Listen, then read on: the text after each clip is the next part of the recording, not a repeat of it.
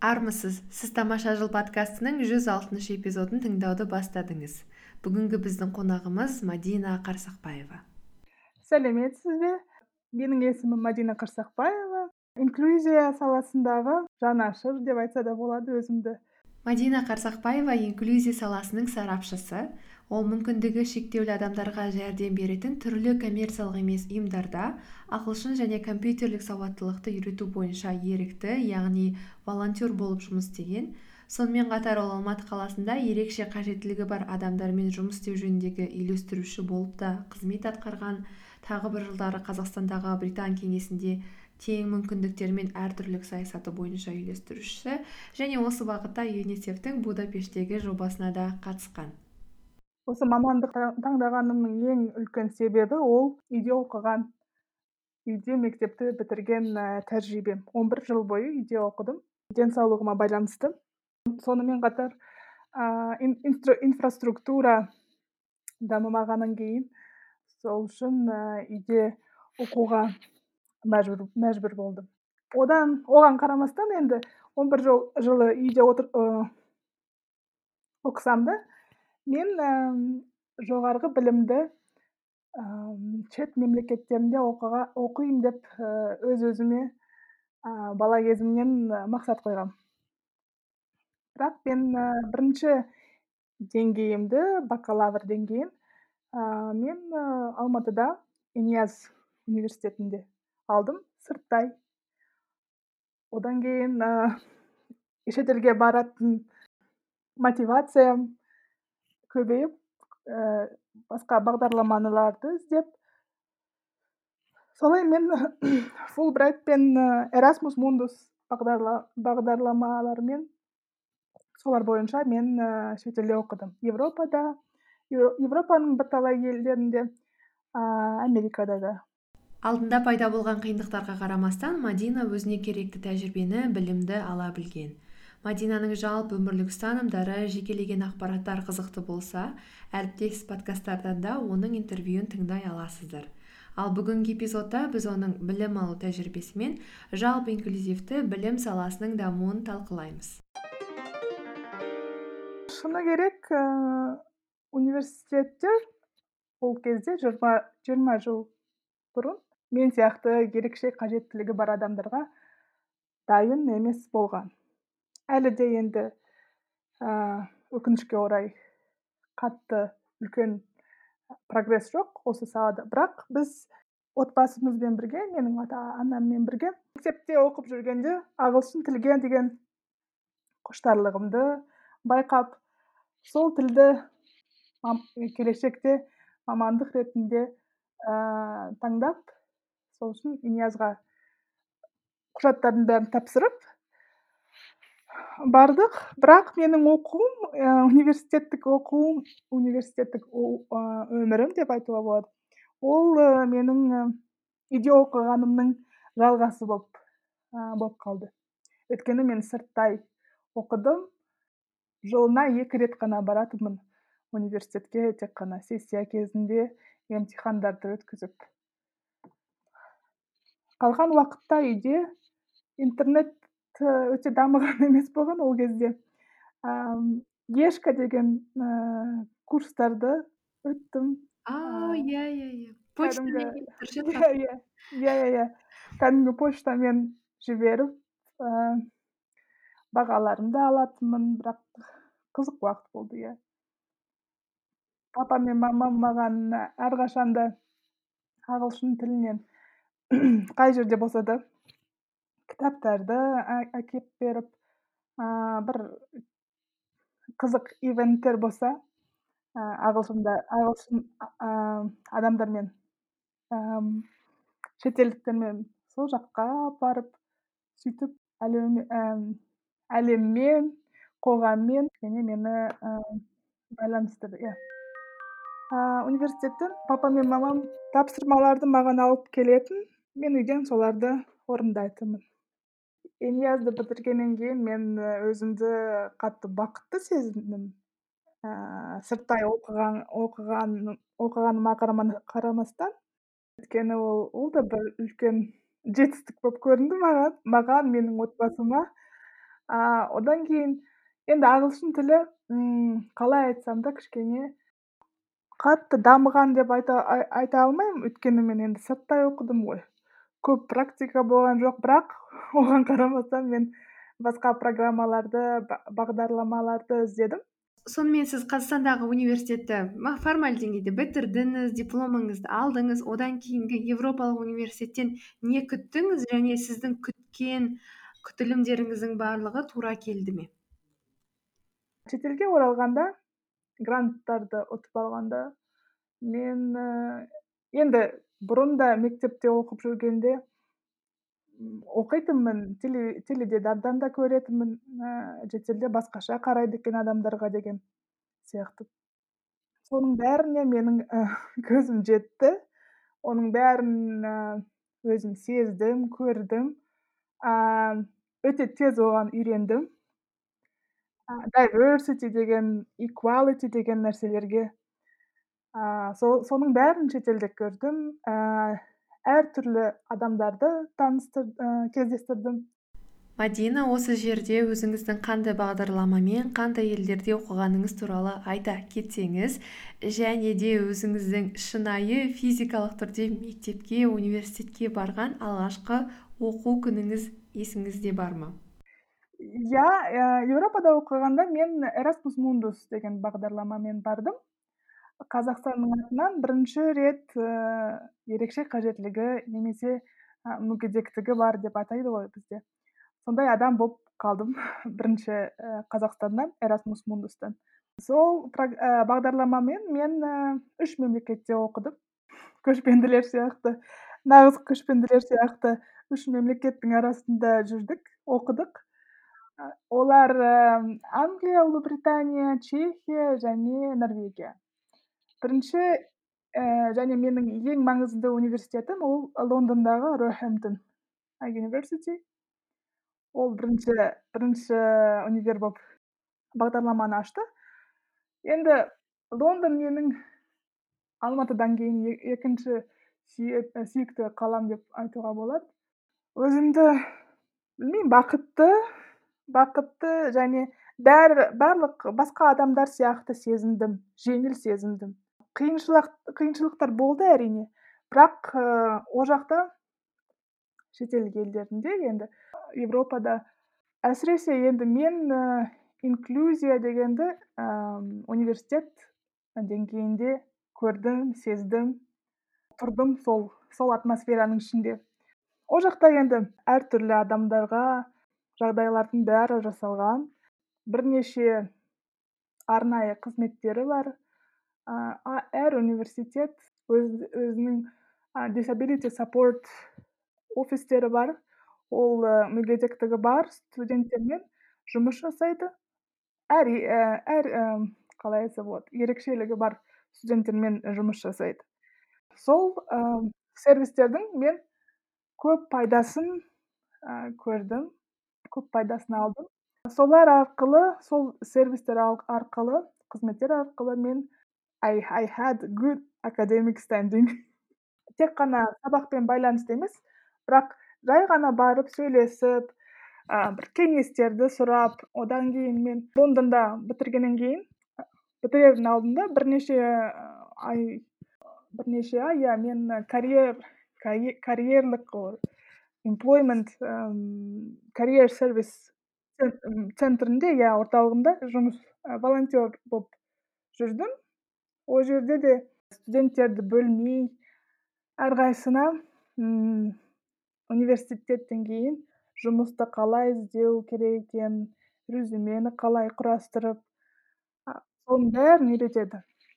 Ал сабақ кезінде сізге сынып бөлмелеріне бару ғимараттарды табу онда кіру қаншалықты оңай немесе қиын болды қаншалықты жағдай жасалған? Оның бәрі енді қазір қазақстанда отырып мен бір қиыншылық деп ііі қиын деп ойласа болады. Бірақ ол жақта мен мүлдем ондайды ойламайтынмын. Өйткені барлық жерлер і ыңғайлы. Тіпті менің тұрған ііі dormitory. Жатақхана иә. Ол жақта да бәрі ыңғайлы арнайы арнайы ас үй болды ана жиһаздың бәрі арналған барлығы бір деңгейде мен енді арбамен жүргеннен кейін бәрі аласа биік те емес менің бойыма жететіндей керемет болды. Одан кейін оларда бағана айтып отырғанымдай осы студенттермен жұмыс жасайтын координаторлар бар. Олар мысалы мен англияға европаға ұшардың алдында олар менімен емейл арқылы хабарласып өздерін өздерін таныстырып біз менің логистикалық ұшатын енді жолымды бәрін бірге талдап бәрін бірге жоспарладық. Сол үшін мен келгенде бәрі енді бәрі болмаса да көп нәрсе дайын болды. Ең бастысы тұратын жер жатақхана бөлме арнайы бөлме арнайы демалатын бөлмесі барлық жері жуынатын жерлері оның бәрін алдын ала иә алдын ала сұрап менен менің қалауымның бәрін сұрап сол дайындап дайындап отырды олар. Мысалы лондонға келгенде оқу бастамастан бұрын мен олармен осы disability support services арнайы ресурстық орталық деп атайды ғой студенттерге. Ол жерде біз үлкен жиналыс болды. Оның мақсаты ол жиналыстың мақсаты менің қандай қалауым бар қандай диагнозым оның барлық моменттерін талқылап оқып одан сол кездесуден кейін бір үлкен документ берді маған құжат. Сол құжатқа қарап басқа мұғалімдер болсын кітапхананың қызметкерлері болсын сол құжатқа қарап бәрі маған көмектеседі ал кейін жаңа елге ауысқан кезде барлығы дәл осылай болды ма? әлде белгілі бір өзгешеліктер болды ма? Былай қарағанда барлық жерде сондай ақ дайындық болды. Енді әр әр мемлекет енді әрқалай ғой бірақ бәрін айтса бір системамен істеді. Иә бір система бір осы стратегия структурасымен қабылдады мені. А норвегияда жүргенде қызық болды. Өйткені біз норвегияға осло университетінде оқыдым. Вау өте тамаша өте иә. Мен менің достарым естігенде алматыдағы достарым естігенде айтты ғой ол ең қымбат қала ғой қайда кетіп баратсың? деп. Иә бірақ біз ол жақта қиыншылық көрген жоқпыз. Өйткені біз өте жақсы жатақханада тұрдық. Ол жақта енді біз қыстың басында бардық қаңтар айында. Сол кезде енді норвегияның қары өте көп екен. Мен қараңғы болады. иә тез қараңғы түседі. Сағат екіден кейін түстен кейін қараңғы тез түседі. Бірақ одан бұрын қар көп болғаннан кейін менің арбам электрикалық арбам ыыы жүре алмаған да кішкене мен енді ондай қатты қарды күтпегенмін білмегенмін бұрын норвегияға бармағанмын ғой. Сол үшін университет маған арнайы скутер берді. Иә сол скутермен жүрдім.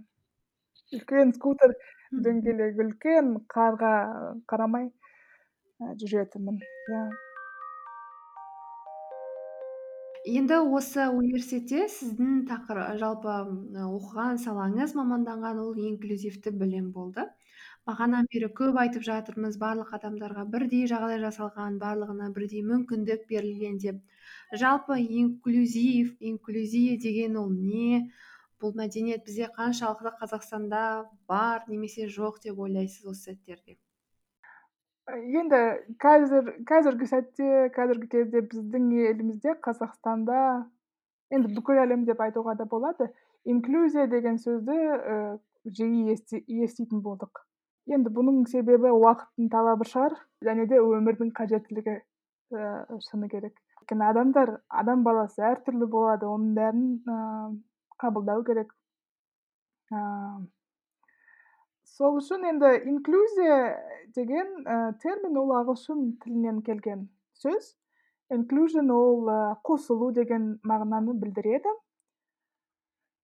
Көбінесе осы inclusion inclusive education инклюзивті білім беру деп ііі қоғамда дамыған термин. Ол енді инклюзивті білім беру болғаннан кейін барлық балаларды болсын студенттерді соның ішінде ерекшелігі бар немесе мүмкіндігі шектеулі балаларды жалпы білім системасына енгізіп бірдей сабақ беріп бірдей көріп мұғалімдер жағынан басқа қызметтер жағынан тең сапалы білім беру ә, және басқа мүмкіндігі шектеулі шектеусіз балалармен қарым қатынастарын дамыту сол инклюзивтік ә, білім беру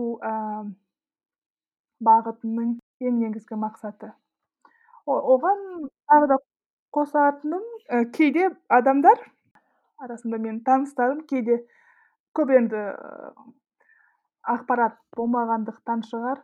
Кейде инклюзив education инклюзив инклюзивті білім беру немесе инклюзия дегенді тек қана мүгедектігі бар адамдармен ә, байланыстырады. Бірақ бұл бұл сала инклюжн деген ә, инклюзия деген сала ол бірнеше топтарды топтармен жұмыс жасайды. Оның ішінде мүгедектігі бар балалар студенттер мигранттар оралмандардың балалары аз, аз ұлттар мен тағы да басқа ерекшелігі бар балалар балалар адамдар кіреді. Менің енді осы үлкен инклюзия деген салада менің нағыз салам бағытым жұмыс істеп деп жұмыс істеп жатқан бағытым ол ә, инклюзивті білім беру. Университеттік деңгейде. Кейбір зерттеулер бойынша қазақстанда тұратын жеті жүз мыңға тарта мүмкіндігі шектеулі адамдардың бес пайызында ғана жоғарғы білім туралы диплом бар. Ал олардың қаншалықты бұл білімді алғандығы алған білімнің сапасы ол екінші әңгіме. Университеттегі инклюзияны таңдағаным таңдағанымның тағы да бір басқа жағы басқа себебі ол келешекте жұмыс орнына қалай адамдарды дайындатады дайындайды университетте қалай оларға қандай оларға ә, көмек береді университетте дайындық қандай болады қандай сабақтар алады осы теманы таңдаған таңдағанымның себебі да иә мотивация деп айтуға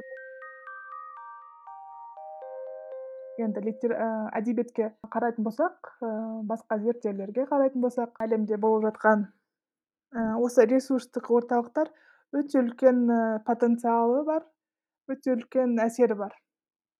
Сол үшін қазақстанда енді бізде әр университет осындай орталықтарды ашса инклюзия деген ұғым инклюзия деген менталитет деп айтуға болады. Тезірек қабылданатын деп ойлаймын. Сіздің соңғы бір жазған маған жіберген мақалаңызда осы ковид пандемиясы кезінде білім алушылардың жағдайы сипатталған екен.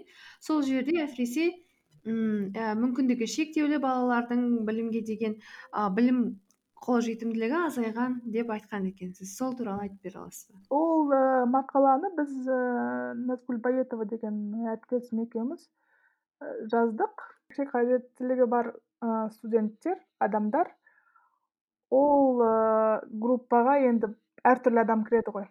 Әртүрлі диагнозбен. Сол үшін осы дистанциондық оқыту оларға да қиын болды. Өйткені көбінесе осы программалардың бәрі zoom немесе microsoft teams о, немесе тағы да басқалары олар енді әр студенттің ерекшелігіне дайын емес болып шықты. Бірақ оған қарамастан ә, қазақстанда басқа да позитивті ә, оқиғалар болып жатыр. Оның ыыы бір мысал туралы жаздым. Абай атындағы университетте виртуалдық инклюзивті білім беру лабораториясы деген ә, инициатива жоба деп айтуға да болады. Ашылды менің ә, әріптестерім ә, әріптестерімнің идеясымен. Ол кісілер енді осы осы кезеңде әртүрлі ііі вебинарлар өткізіп университеттегі инклюзияға қалай дайындауымыз керек. Қазіргі кезде қандай программалармен оқуға болатынын сол туралы әртүрлі мемлекеттерден ііі басқа мемлекеттерден эксперттерді шақыртып ыыы осындай жобаны жүргізіп жатыр. Мен де бірнеше рет қатыстым.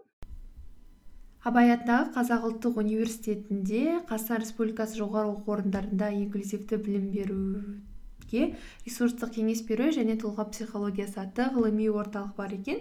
Бұл ғылыми орталықтың негізгі жұмысы мүмкіндігі шектеулі адамдарды оқыту дамыту және одан әрі жұмысқа орналастыру бойынша қазақстан республикасының басқа да жоғарғы оқу орындарындағы оқу үрдісін ұйымдастыру үйлестіру екен. Абай атындағы университет олар енді қазақстанда бірінші университет болғаннан кейін олар осы ресурстық қызмет ресурстық орталықты ашқан болатын.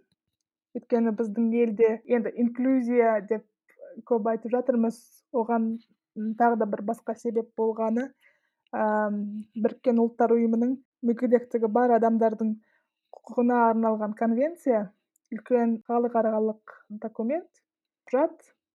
Ол құжат біздің елімізде бес жыл бұрын ратификациядан өткен біздің мемлекет ол құжатты қабылдады оны қабылдағаннан кейін көп жобаларды осы инклюзивті қоғам инклюзивті білім беру салаларын енді біз мәжбүр болдық мемлекет ретінде сол университетті айтсақ мен енді көп көп өте көп ақпарат бере алмаймын өйткені мен ол жақта жұмыс жасамаймын. Бірақ менің бірнеше әріптестерім бар сол сол университеттен.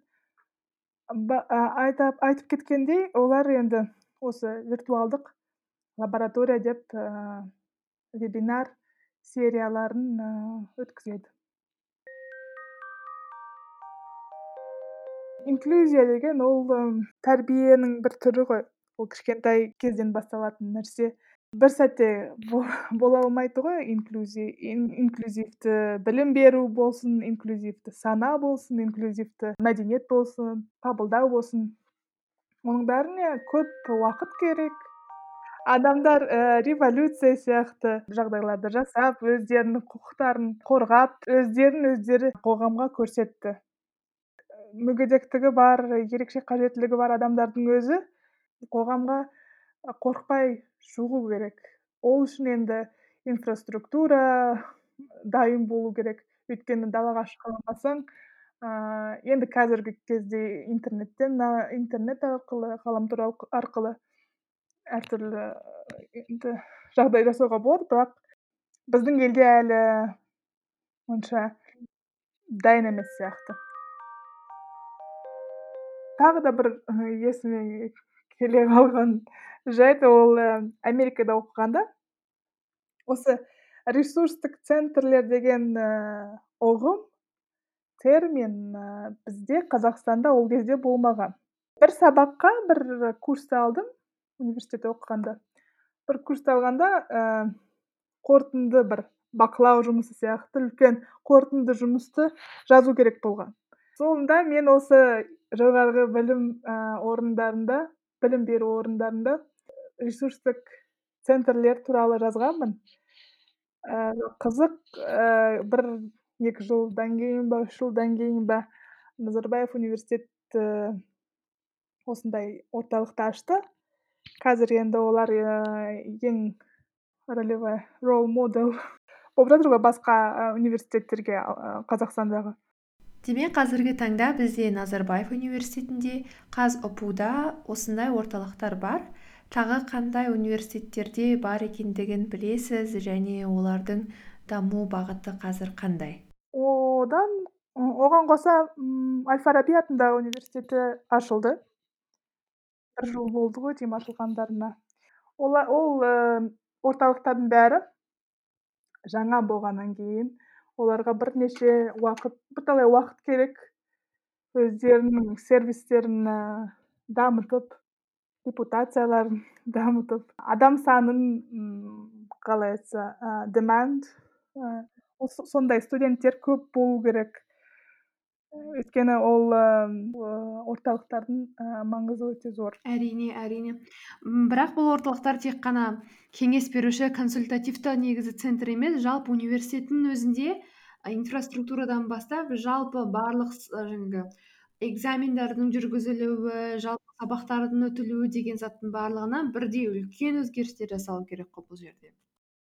Иә оның енді оның бәрін оның бәрі енді студент студент centered approach деп сол модельмен жасаланатын жұмыс қой.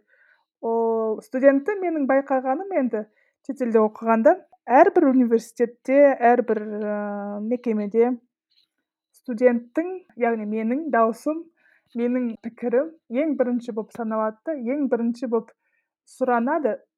Одан кейін басқа ә, мамандар ақылдасып шешімдер шығарады. Сол үшін енді студенттердің өздерінің дауысы болу керек студенттердің өздерінің қажеттілігі туралы пікірлері болу керек олар айту айт, айта алатындай болу керек. Өйткені біздің менталитет кішкене басқаша ғой а, батысқа қарағанда. Кейбір адамдар тұйықтау болады. Оның бәрін ә, жою керек.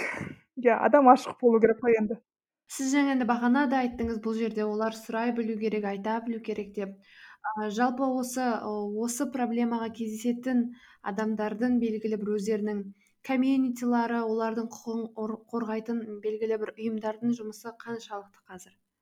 Енді әртүрлі мемлекеттік емес ұйымдар бар ғой алматыда болсын. Алматыда енді ең көбі алматыда деп ойлаймын. Өйткені алматы енді ең үлкен қала болғаннан кейін адам саны да көбірек басқа басқа қалаларға қарағанда бір бірталай иә бірнеше ә, сол мемлекеттік емес ұйымдар бар. Ол олар енді жоғарғы білім беру орындарындағы инклюзия инклюзия тақырыбында тақырыбында жұмыс істеп жатыр. Менің білуімше өткен жылы осындай бір ұйыммен бір үлкен зерттеу жүргізілген алматыда жеті университеттер бойы жеті университеттер бойынша. Сол зерттеудің нәтижесі ретінде енді университеттер дайын емес екенін білді белгілі болды. Оған қоса енді мектепті бітірейін деген ерекше қажеттілігі бар балалардың армандары университетке дайындығы дайындығы немесе оны ойлайтыны ойламайтыны олардың ата аналарының пікірі туралы бірталай информация болды. Менің ойлағаным ол енді жақсы ә, жақсы зерттеу болды зерттеу жұмысы. Өйткені біздің елде зерттеулер осы салада көп зерттеулер жоқ. Соған қарағанда енді жоқтан осы жақсы. Әрине әрине. Мадина сізге сәттілік тілейміз. Ә, енді ә, қараңыз мысалға бізді тыңдап отырған адамдар ол мен тағы да басқа адам біреуміз студент біреуміз жұмыс істейміз біреуміз тағы бір жерде әртүрлі бір өздерінің бір өмірде бір жұмыстары айналысатын істері бар жай қарапайым азамат ретінде осы салаға біз қалай үлесімізді қоса аламыз?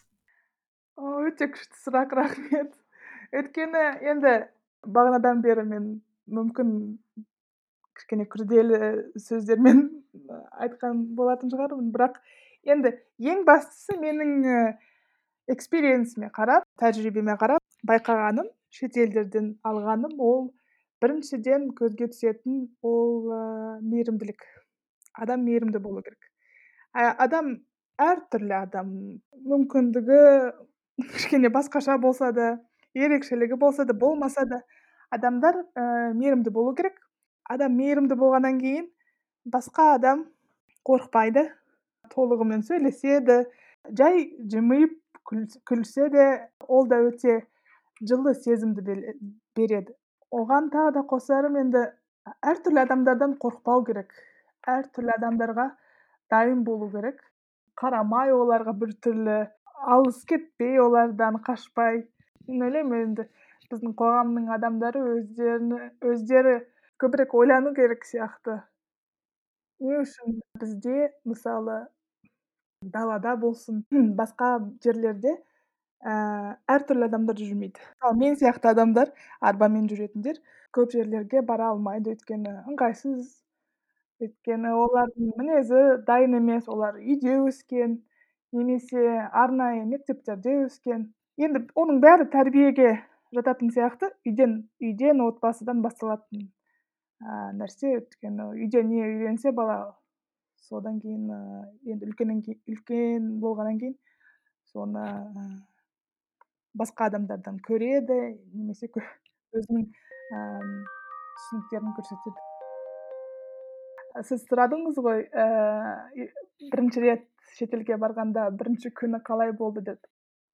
Биринчи ирет сол биринчи күндөрү деп айтууга да болот. Сау ортодо болдум ғой, сау ортодо башка адамдар менен өзүмдү сау сау деп сезиндим. Өйткөнү мен чет элде жүргөндө ар качанда арбада жүргөнүмдү, аяктарым кичине башкача болганын баарын унутамын. Ону арнайы ойлоп, көңүл бөлүп деген андай жок менде, өйткөнү башка адамдар ого көңүл бөлмөй да, курметтей да, кабылдайды. Баардыгы менен бирдей катнашып, сүйлөшүп, жумуш жасап, окуп жүрөт. Ошол үчүн эми адам адамдардын баары бирге болуу керек. Айтат го адамдын адамдын күнү адам менен деп. Баарлыгы сонда биздин көз карашыбыздан башталып туруп, адамдардын сыртка чыкканда суктанып карабы да, мунун баардыгы казирги когамдын бир бейнеси. Дәл солай болгон дәл солай болгондуктанбы, әлде мүмкүн инфраструктуралардын болмагандыктанбы, экөө биринен бири чыгатын проблема го бул жерде. Инфраструктура болмаган соң адам чыкпайт, сондуктан адамдар мондай адамдар менен кездеспейт, нәтижесинде улар башкача адам деп караштырат, ал чын мааниде баарыбыз бир адамбыз. Мен сыяктуу категориядагы адамдардын кыйындылыгы енді башка адамдар менен катышпаган катышпаганынан кыйын болот оларга башка когамдын адамдары енді сау адамдар олар енді тажрыйбасы жок болгондон кийин олар коркот немесе сүйлөшкүсү келмейт менде ар түрдүү андай окуялар болду бирок мен енді убакытпен ол ондай кездерге көп көңүл бөлмөйтүн болдум кээде онун баары мага жай гана күлкүлүү Иә, қазір күлкілі, иә, дәл сол баяғы сәттегі өзіңіз есіңізге түсірсеңіз, белгілі бір жерде жүрегіңізге қатты да тиген кездері болған шығар. Болды, әрине болды, иә. Әсіресе кішкентай кезімде балалар менімен ойнамайтыны, енді кішкене есеп, ақылдары кірген кезі кезі ғой енді мектеп басталғанда. Ол кездер қиын болды, иә. Одан кейін өскеннен кейін қиын болды. Енді білмеймін енді адам өзінің ерекшелігін өзі қабылдау керек бірінші. Ол қабылдауға өз басым бірталай жыл керек болды.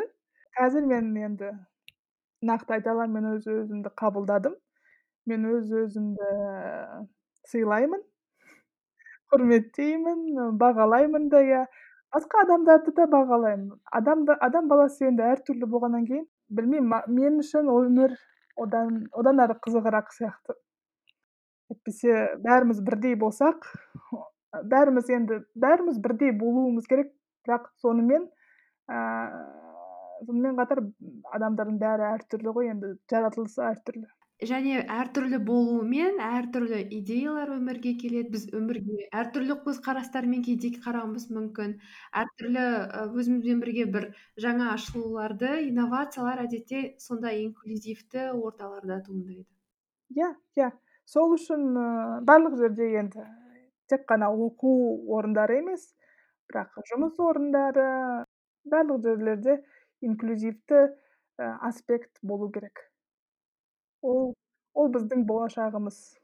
Ол тек қана қазақстанның болашағы емес бірақ әлемнің болашағы. А мадина сіздің келесі қадамдарыңыз қандай? Қазір өзіңізге қандай алға жоспарлар қоюдасыз?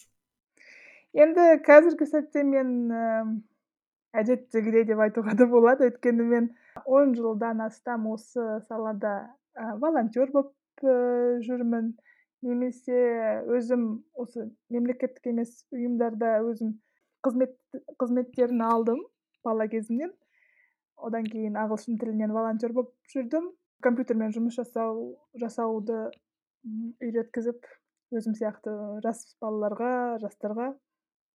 Енді ііі осы салада жұмыс істеп жобаларды жасап ыыы PhD енді аламын енді. Ол да бір үлкен жұмыс. Оған уақыт керек. Басында мен сізді PhD да деп ойлап қалдым.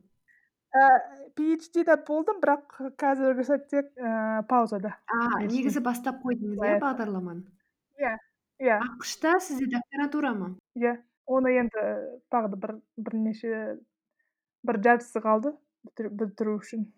Бірақ менде қазір ііі приоритетте жұмыс акшн иә акшн жұмыс жұмыс тәжірибесін алу иә көбірек жұмыс болсын ыыы волонтерлық ыыы тәжірибе ол да тәжірибе ғой әрине әрине әрине мхм ол да өмірімнің бір үлкен кейін докторантураңызды жалғастырасыз иә ол волонтер болу ол менің бір өмірімнің үлкен бөлігі өйткені мен ыыы british council басқа да алматы алматы қаласы бойынша мүгедектер ұйымында жұмыс жасадым. Бірақ олардың бәрінің алдында мен көп жыл бойы волонтер болып жүрдім. Әлі де мундус ыыы ассоциациясына қазақстандағы волонтер ретінде жұмыс жасаймын көмектесемін. Осы жерде менде бір сұрақ туындап қалды мадина. Бағана ғана сұрап жаттық. А жай қарапайым адам ретінде біз не істей аламыз деп сонымен қатар жаңа өзіңіз айтқандағыдай әртүрлі ұйымдар бар деп те айтып жатырсыз. Мысалға осы эпизодтан кейін біреуіміз ііі бос уақытымыз болып қалса мысалға қандай ұйымдар осындай уақыты бар қолы бос адамдарды қажет етуі мүмкін? Енді әртүрлі ііі ұйымдар бар. Ііі менің ойымша инва кейзет деген сайт. Сол сайтта і тізімі болу керек. Оған қоса енді инстаграмда басқа да әлеуметтік желілерде парақшалары бар бар деп ойлаймын. Иә енді адам ағылшынша айтады ғой шеринг из керинг деп. Сол енді менің ұстанымым шығар. Өйткені менің ііі әрдайым ойлайтыным алған білімімді адамдарға жеткізу бөлісу. Өйткені мен ол білімді жай ғана алып отырмаймын ғой. Ол дұрыс емес қой. Мен сізге таңғалып отырғаным сіз мысалға қаншама бір барьердің бәрінен өттіңіз жаңа айттыңыз. Мысалға он процентке де жетпей жоғарғы оқу орнын бітірген ііі алған адамдар мысалға иә. Сіз оны бітірдіңіз магистратураны аяқтадыңыз. А міне қазір докторантураңызды оқып жатырсыз. Соның барлығына сіз солай жеттіңіз ал кейбір адамдар жетпей жатыр. Ол неге? Бұл жерде сондай үлкен гэп бар деген сұрақ тұр да менде. Сіздің ыыы оқуға деген өзіңіздің сондай құштарлығыңызды қайдан алдыңыз? Ол менің отбасыма ыыы үлкен рахмет менің ата анама өйткені ол кісілер менің ең маңызды адамдар ең my best supporters best friends. Сол кісілер сол кісілердің арқасында осы оқуды оқуға көзімді аштым оқуды жақсы көрдім. Қазір ойласам ііі оқу маған і ауа сияқты. Бірдей. Оқу болмаса маған қызықсыз. Білмеймін енді өзімнің мінезім сондай шығар. Бізді үйде де осындай позитивті атмосфера деп айтуға болады. Бір бірімізді қолдаймыз. Сондай болғаннан кейін өйткені оған қоса мен і енді айтып айтып кеттім ғой. Басқа ұйымдарда болдым бала кезімнен.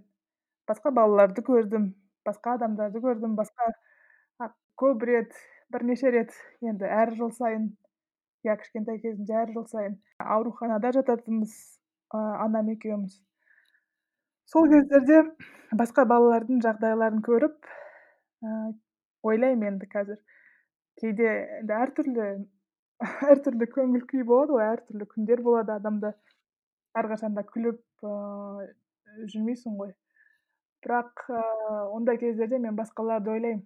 Менен менен де қиынырақ ыыы жағдайларда тұрып жатқан ыыы мүмкіндіктері одан да қаттырақ шектелген ыыы адамдарды ойласам менің ііі сол ситуацияларым қиын болып көрінбейді.